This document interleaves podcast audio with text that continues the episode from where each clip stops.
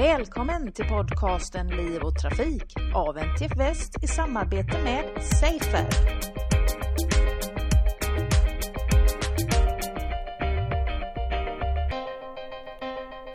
Idag så träffar Liv och Trafik Bengt Karlsson som är tillförordnad trafikpolischef för Region Väst. Välkommen! Tack så mycket! Du ska berätta för oss idag om polisens erfarenheter av eh, den tunga trafiken på vägarna och eh, fusk och annat som förekommer som gör att eh, de här fordonen kan bli ganska farliga. Eh, men först tänkte jag, kan du berätta lite grann, vad, hur ser en dag ut för dig? Vad gör en trafikpolischef? Ja, vi sitter tillsammans eh, i ledningsgruppen eh, oftast och har bestämt hur en vecka framåt ska se ut. Och de insatser som trafikpolisen ska genomföra då i Region Väst som omfattar Västra Götaland och Halland. Och då har vi en gruppchef numera då som ansvar för verksamheten ute. Och de sitter i Skara, Vänersborg, Göteborg och Halmstad. Och så dessutom har vi sjöpolisen som då är på Tångudden i Göteborg.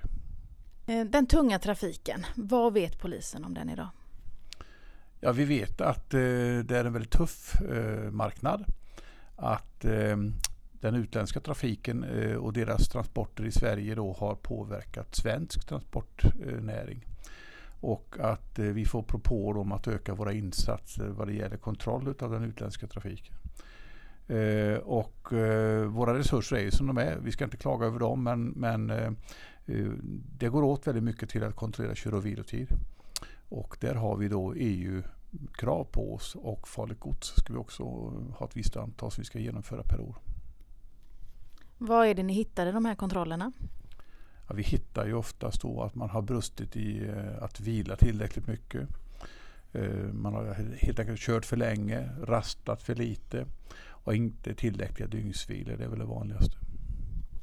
Eh, kan du ge något konkret exempel? Hur kan en vanlig dag se ut för en, för en åkare? jag ska inte säga att det är en vanlig dag, att det är signifikativt för all transportnäring, men vi har ju exempel. Eh, exempelvis där man startar klockan 11 på, på förmiddagen. Och sen kör man då exempelvis ner mot Helsingborg. Och så lastar man av och på, är man framme vid halv fem-tiden där. Och sen åker man och lastar på eh, nytt gods då i olika depåer och är klar då vid 8-9 tiden på kvällen. Och sen tar man en rast om 20 minuter och sen åker man hemåt. Så man är hemma då kanske vid eh, 12-1 tiden på natten. Och sen ska man lasta av den här lastbilen och lasta av då godset på andra lastbilar. Och sen är man färdig ungefär 3 tiden på natten. Och då har man ungefär 16 timmars arbetstid och 20 minuters rast. Eh, sen händer det att eh, man fortsätter genom att byta lastbil. Och så kör man en annan lastbil och så distribuerar man ut det här godset då till affärer. Och sen är man tillbaka vid halv nio på förmiddagen. Ja, hur går det till då när man fuskar? Ja, det är inte så svårt. Eh, när man kör ner mot Helsingborg, jag är nere i Helsingborg, så då eh, Eh, står man på rast hela tiden. Trots att man lastar av och på och sliter verkligen då för att eh, få på allt godset. Eh, men när vi tittar på det här förarkortet sen så ser det ut som att föraren har rastat för att man har stått på det vredet på, sitt, på sin digitala färdskrivare som om man hade rast. Och skulle det bli så att han kör för länge dessutom, då är risk för att köra för länge. Ja, antingen stannar man så drar man ut sitt förarkort och så kör man utan. Eller också sätter man in någon annans förarkort. Och så kör man på en annan förare helt enkelt. Eh, och sen kan man byta så man kör på eh, vanlig analog skrivare, alltså med ett färdskrivardiagram. Och så skriver man lite vad som helst på det då. Så blir man inte stoppad och så slänger man det man har kommit till mål. Det låter ju som en väldigt enkel sak att, eh, att fuska på det här sättet. Går det att komma till rätta med det här på något sätt? Ja, det är klart att en ökad kontrollverksamhet är det ena och på, kanske då på tider uh, där vi normalt sett inte jobbar. Branschen är mycket väl medveten om att vi inte jobbar mitt i natten. Uh, och det är kanske det vi skulle göra. Jag tänker exempelvis om det nu då går att ställa eh, färdskrivaren på att man har rast fast man inte har det. Ska det vara så enkelt? Ja, för den förare som har riktig rast så är det ju rätt att ställa den på det. Ja, det här, jag har tagit upp det här med eh, Sveriges Åkeriföretag och sagt att det här är ju allmänt utbrett i branschen att när man står och lastar av och på vid affärer exempelvis så står man på rast på sitt förarkort. Så det här är nog alla medvetna om. Och då är frågan, alltså för att motverka detta så finns det ju ett sätt. Det är naturligtvis att vi kontrollerar. Ja, vi står och smyger någonstans och tittar på när en lastbilschaufför lastar av eller lastar på. Och sen så fort den börjar rulla så rullar vi fram och stoppar de här. Så ser vi att du har ju faktiskt lastat av och lastat på hela tiden. Och du står då på rast. Då får man då betala 4 000 kronor i böter. Men det måste vara ett generellt problem som måste åtgärdas på ett annat sätt. Och här tror jag att branschen får hjälpa till ganska kraftfullt själva. Ser polisen någon skillnad på eh, svenska åkerier och eh, utländska åkerier? Alltså när det gäller fusk eh, och så här så kan jag säga att vi, vi träffar ju på utländska åkerier som fuskar rejält också. Och vi träffar på svenska som fuskar lika mycket. Men eh, man kan inte säga då att någon är mycket sämre eller värre än någon annan. Utan då, vid de kontroller vi har så hittar vi från båda håll kan man säga då, lika mycket. Vad vet ni om incitamenten för de här fusken? Är det stor skillnad i prislappen för de som beställer de här transporterna? Ja, det är det ju naturligtvis. Den transporten som jag nyss beskrev, den skulle fordra två chaufförer. Och den skulle fordra eh, kanske till och med då övertidsersättning då när man kör utanför för, för eh, ordinarie kan man säga då, helger och helgersättningar och sånt. Och det är klart att kör man med en chaufför och kör med rak timpeng så är det ju en jätteskillnad mot att köra med två chaufförer och betala efter andra avtal då när man har extra för helgtillägg och sånt. Så det är klart det är en jätteskillnad. Och jag vet i just det här fallet så kan jag säga, och det vet jag då andra transportföretag, de lägger inte ens anbud på de här transporterna. För ska man köra det här lagligt eh, då kostar det någonting helt annat. Vem är det som har ansvaret för de här transporterna? Är det arbetsgivaren som måste ta ett större arbetsgivaransvar för sina åkare eller hur tänker du? Ja, först så är det så chaufförerna, de har ju en åkeriägare som betalar deras löner och han ska se till då att Eh, det är lagenligt. Att man kör med, med eh, rätt eh, vilor och rätt raster och allt det här. Det är en, men det är också så att i bakgrunden så är det någon som har upphandlat den här transporten. Och jag skulle vilja då att beställaransvaret blir mycket mer tydliggjort.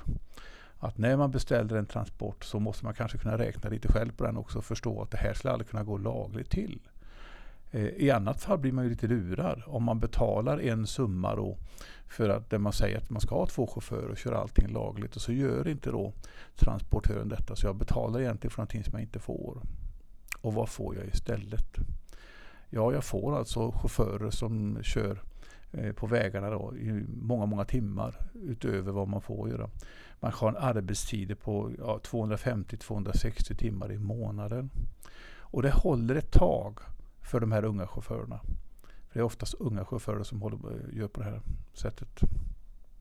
Men efter ett tag sen så, så blir man utbränd. Och det har vi då fått, eh, fått eh, belägg för att så är det.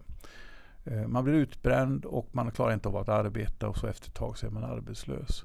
Och sen har man svårt att komma tillbaka igen i arbetsmarknaden överhuvudtaget. Och då är det samhället som får betala det här genom att alla vårdinsatser tillsammans med den då chaufför som inte får arbete och annat. Kan du säga något mer kring hur beställarna ska tänka när man eh, väljer och gör upphandlingarna? Ja, vi vet att det finns företag som har sagt eh, att nu vill vi ha transporter, den ska vara lagenlig och den ska följa alla regelverk som finns. Och det vi får till oss då det är att de här oseriösa företagen de lägger inte ens anbud på de här transporterna.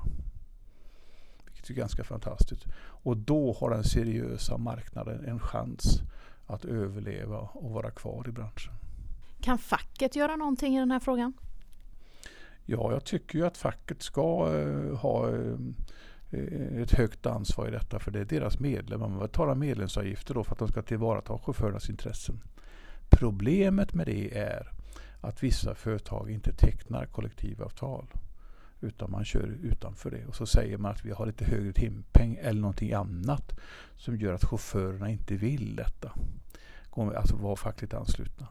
Men sanningen är ju den att eh, en chaufför som är fackligt ansluten han har ju också mängder då med, med skydd i att vara anställd genom fackets försorg.